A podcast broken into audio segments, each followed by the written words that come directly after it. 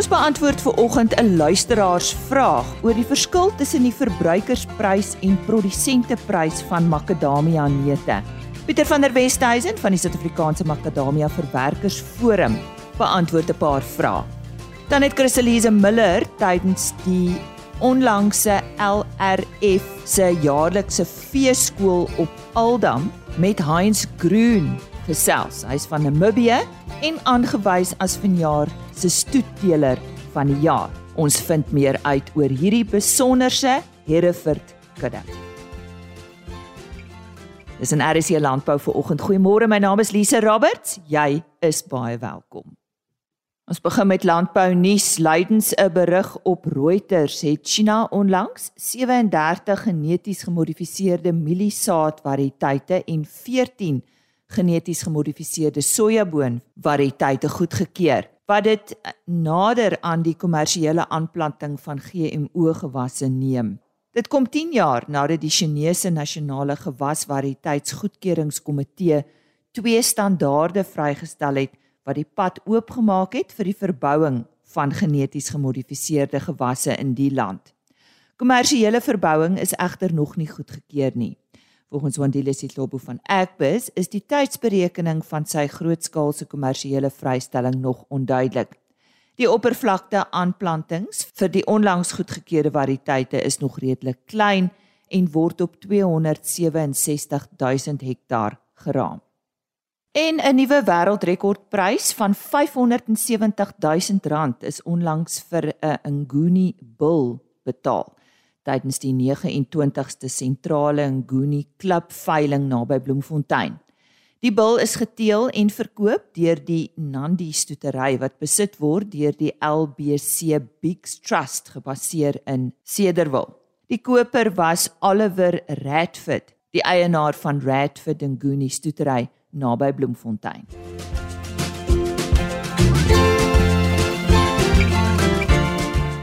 Heinz Groen van die Otongowe Hereford Soetery in Namibië is vanjaar tydens die Lewende Hawe Registrerende Federasie of LRF se jaarlikse feeskool naby Ventersburg in die Vrystaat as die Molatek Veeplaas Breedplan stoeteler van die jaar aangewys. Medewerker Christelise Miller het met hom gepraat. Heinz, gelukwensings is in orde. Wat beteken die toekenning vir jou? Hierdie toekenning bewys aan my eintlik aan my en my vrou dat dit wat ons die afgelope 27 26 27 jaar doen um, vrugte afgooi. Ons het dit nie verwag nie ons het nie daaraan gedink om hier te wees nie. Maar nietemin dit is iets wat um, onverwags gekom het en dit beteken vir ons baie. Waar het dit alles begin Heinz? Hierdie kom nou al 'n redelike paadjie. My vrou en ek was in Windhoek werksaam. Ons het 'n eie um, motorwerktuig kunde um, garage gehad. Ek is 'n gekwalifiseerde auto-elektriesien en my vrou het landbou op Noordam in Windhoek gestudeer. Ons was op ons eie soos gesê en op 'n dag het daar pa vir ons gevra of ons kan sou sien om plaas toe te kom. Hy het nie gestoet nie.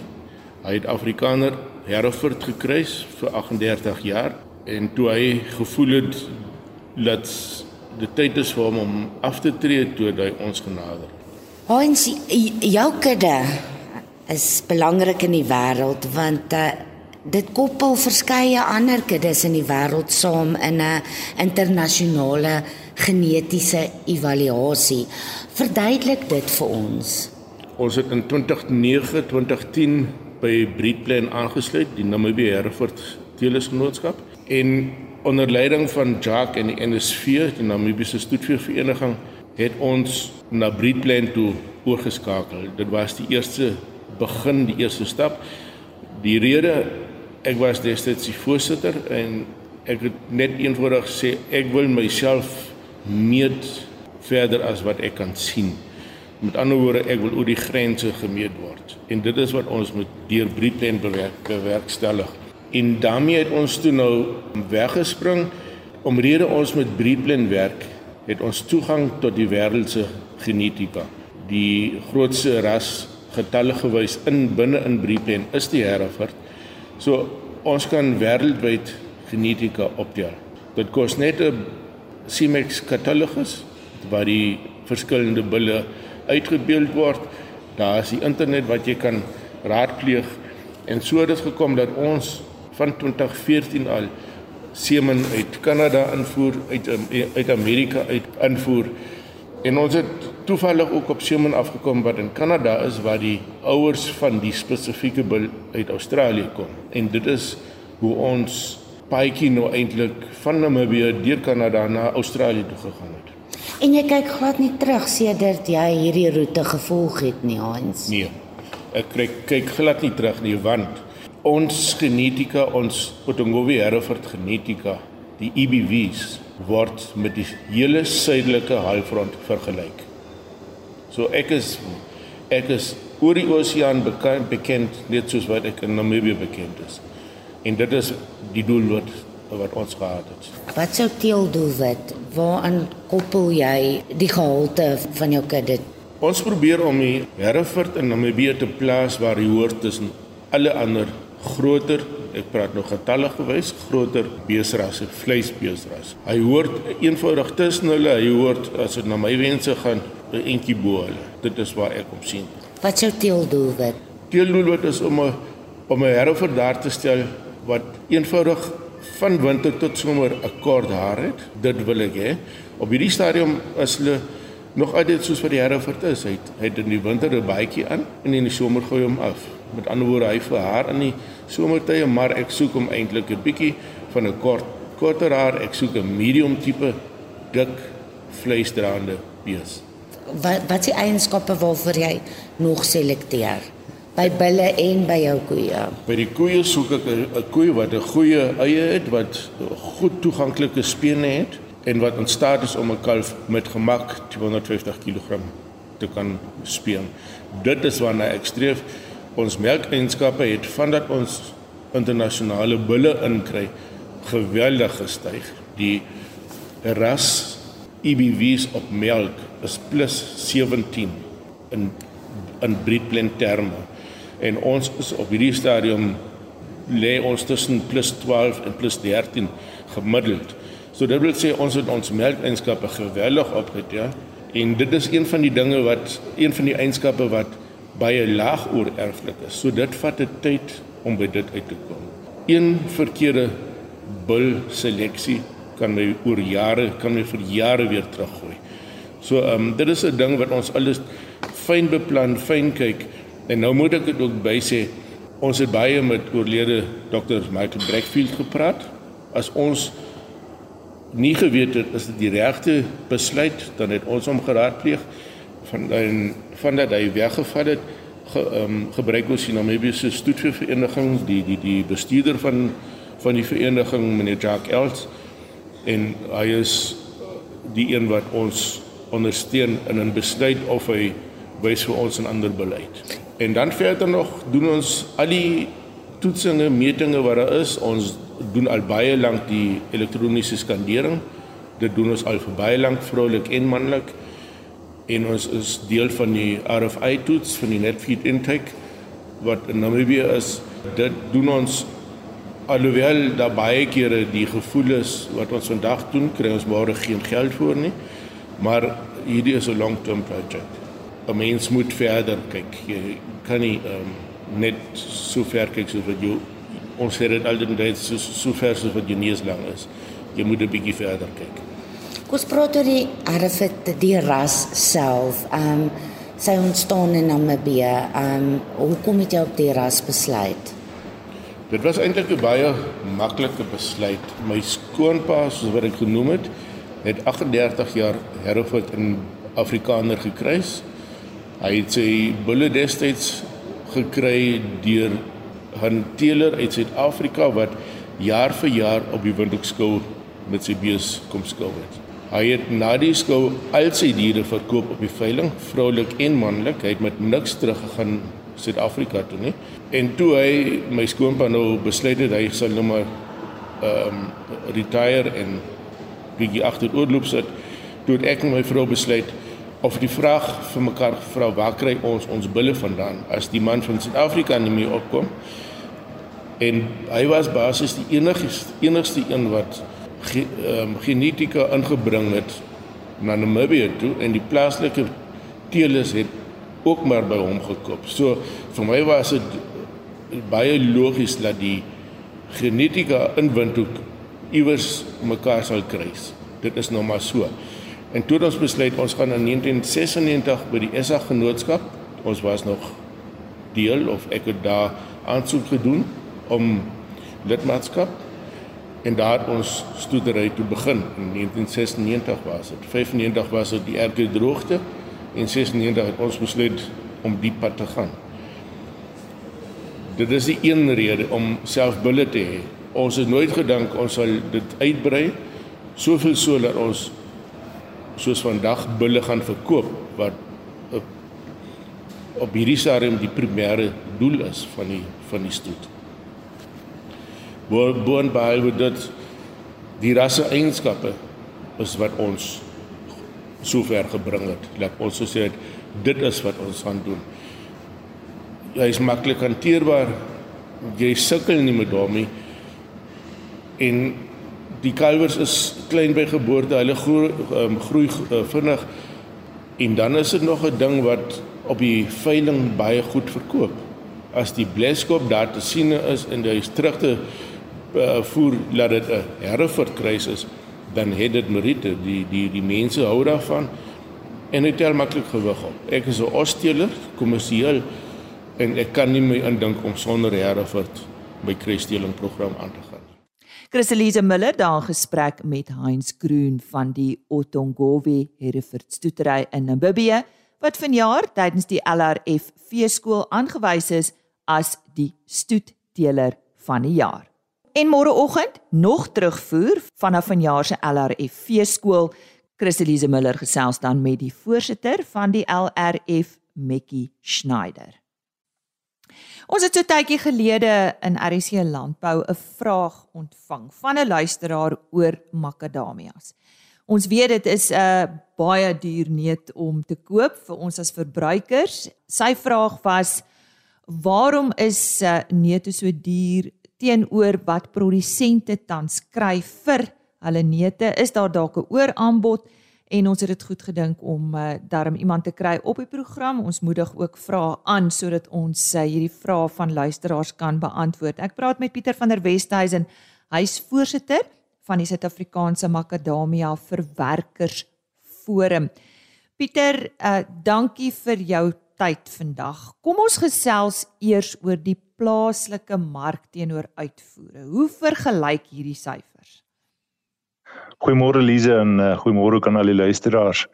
Uh Lize, um, om te begin mee, ek dink ons plaaslike mark vat 'n baie klein persentasie uh, van ons uh, uh totale produksie op. Ek dink ons gebruik nie 5% van ons totale uh, binnelandse produksie in die plaaslike mark nie.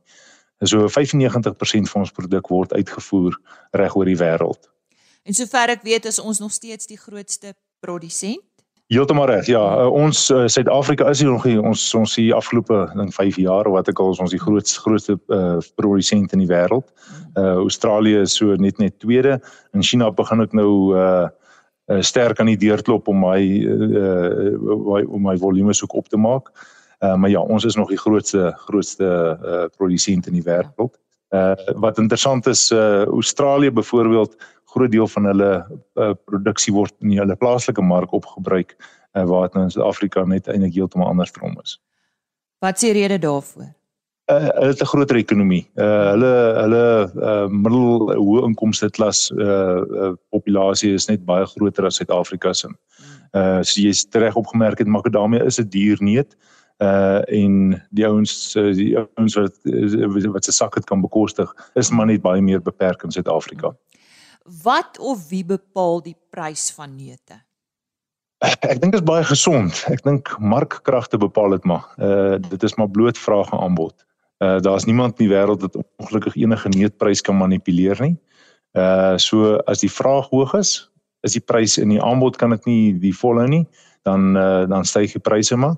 Aan dieselfde kant as die uh, as die vraag bietjie daal en die aanbod is hoog, dan daal die pryse. En ek dink ons die afgelope 2 uh, jaar gesien dat die makadamia pryse reg oor die wêreld drasties geval het.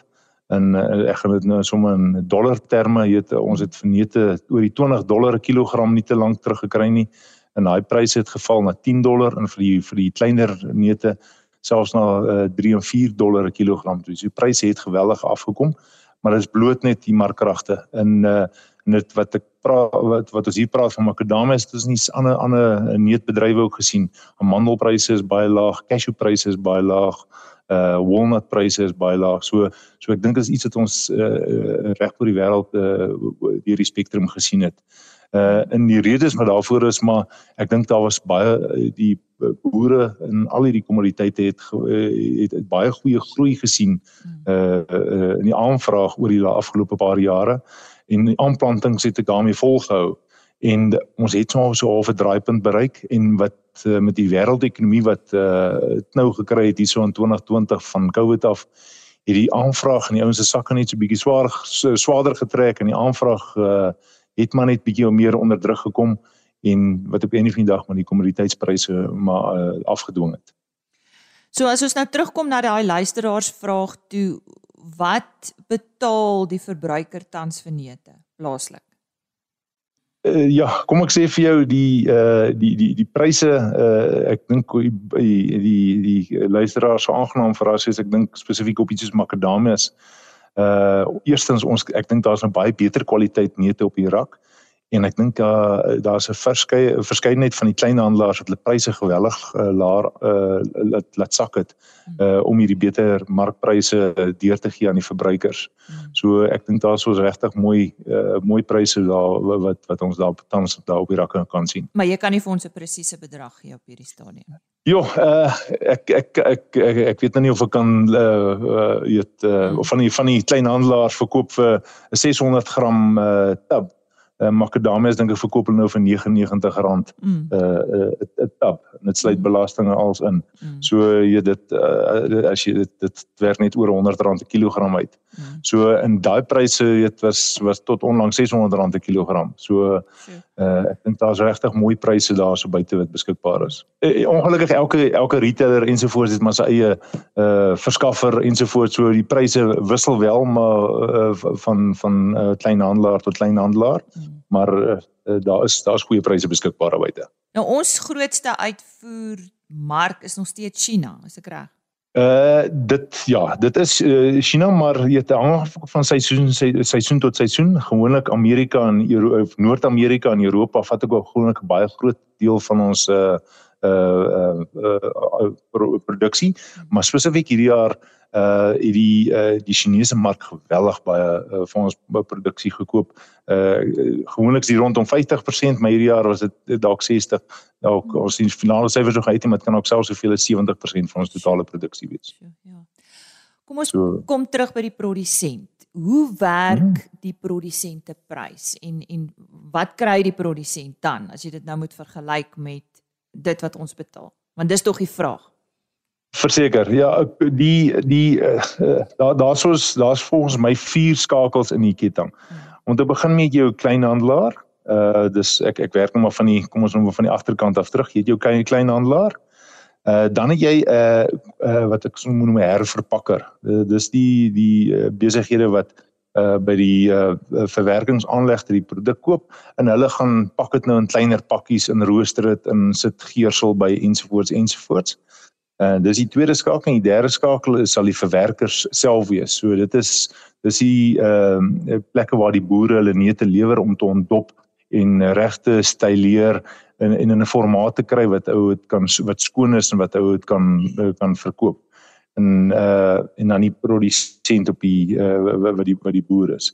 Uh in uh, sommer nou rowwe terme, jy weet uh elkeen van die uh, uh skakels weet as elkeen uh, elke skakel kom ons sê 20% marge vat van die boer af tot by die uh, eindverbruiker dan as die boer 100 rand uh, kry vir sy produk dan gaan op die einde op die einde van die dag op die rak wees vir sê maar uh, R200. So die die uh, waarde uh die, die die waarde wat toegevoeg word op die einde van die dag by produk verdubbel maar eintlik op die einde van die dag die uh die die die die die waarde van die produk. So dit gaan maar oor daai middelmanne wat hier betrokke is. Heeltemal reg. Heeltemal reg. Eg uh, uh ja, uh, en, en elkeen het 'n tog 'n belangrike funksie om te te vervul. Jy weet, uh, as ek as ek praat namens die verwerkers uh eet die boere lewer die produk uh, af by die verwerkers. Meeste boere word uh, dan 'n uh, voorskot betaal. Uh en dan daarvan af eet die verwerkers dan dra dan die die die risiko in terme van kwaliteit. Maak seker eet daai daai produk word verkoop uh uh ensovoorts. En baie keer van hierdie verwerkers kry jy hulle geld uh meer as 'n jaar jaar nadat die boere dit afgelewer het. So so die die verwerkers dra 'n groot risiko. Die herverpakkers uh kan ek maar amper my dieselfde sê het moet moet voorraad aankoop en uh, dan oor 'n paar maande later kry hulle ook eens hulle uh, inkomste. So ek ek ek is regtig betrokke by al die skakels en ek moet eerlikwaar sê ek dink baie keer mense persepsie dat van die skakels uh onredelike winste maak en uh kan vir luisteraars gerusstel. Ek dink daar's onredelikheid hierso in nie. Ek dink is uh en weer eens natuurlike markkragte speel hierso. As iemand te veel geld gemaak het, het iets uit gaan na 'n ander besigheid in die in die mark intree en daai mark oorvat. En en ek dink nie ons gaan dit sien in hierdie in ons bedryf nie. Ja, daar's daar's baie redelikheid wat alles betref volgens my. Ja, en dan die risiko wat hulle loop is seker dat hierdie produk het 'n rak lewe. Nou ek bedoel dis nie iets wat onbepaald op 'n rak kan lê nie en hulle moet ook daai uh, risiko dra. Absoluut, absoluut. En dit is ongelukkig een van uh, makadamia se groot uitdagings. Uh uh en as jy hom nou vergelyk met ander neute soos 'n uh, cashew en 'n amandel, uh ons ons rakleeftyd is net baie korter mm. en en dit uh, dit dit is uh, tot 'n groot mate een van ons groot risiko's. Pieter baie dankie. So wat kan jy vir die verbruikers in Suid-Afrika sê of meer spesifiek vir hierdie luisteraar? Jy het eintlik al daai vrae beantwoord, maar jy kan maar net uh, ons gerus stel dit is nou maar een van daai dinge. 100%. Uh, ek uh, ek kan julle gerus stel, ek dink die uh, die waarde wat julle uh, betaal vir die uh, produk op die rakke is is goeie waarde vir geld. Ek dink ons die kwaliteit van produk wat ons ook tans op die rakke kry is baie beter. 'n uh, uh, jaar wat uh, terug toe die pryse baie hoër was, het uh, die die, die uh, was daar definitief 'n swakker uh, ons noem dit 'n kommersiële graad neut wat op die rak gekom het. En dis nie oor dat ons nie 'n uh, goeie kwaliteit in die plaaslike mark wou sit nie. Dis maar net bloot uh dit het vir die so duur geraak vir die plaaslike mark uh dat dat dit net nie dit dit was net nie lewensvatbaar geweest om dit te probeer verkoop in die plaaslike mark. Ek weet nie vandag is al daai goed uitverkoop. Ehm uh, maar so tans is daar baie goeie kwaliteit uh produk op die mark. Uh en dan wat ons boere aanbetref, ag ek moet vir sê ons het ongelooflike boere in ons land. Ons kan geweldig trots wees op hulle. Hulle het gaan deur twee swaar jare.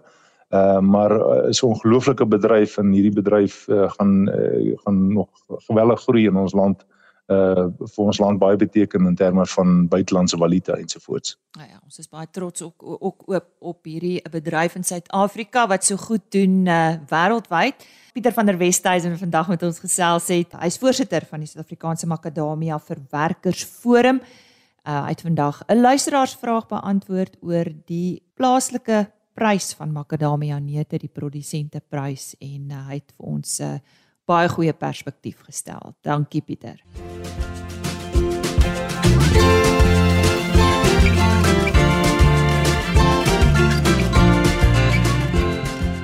Dit is dan RSG Landbou vir vandag. Onthou RSG Landbou is op rsg.co.za as potgooi beskikbaar. Jy kan ook gaan kyk by agriorbit.com. Daar word die onderhoude afsonderlik gelaai. Ek sluit af met 'n e-posadres: rsglandbou@plaasmedia.co.za.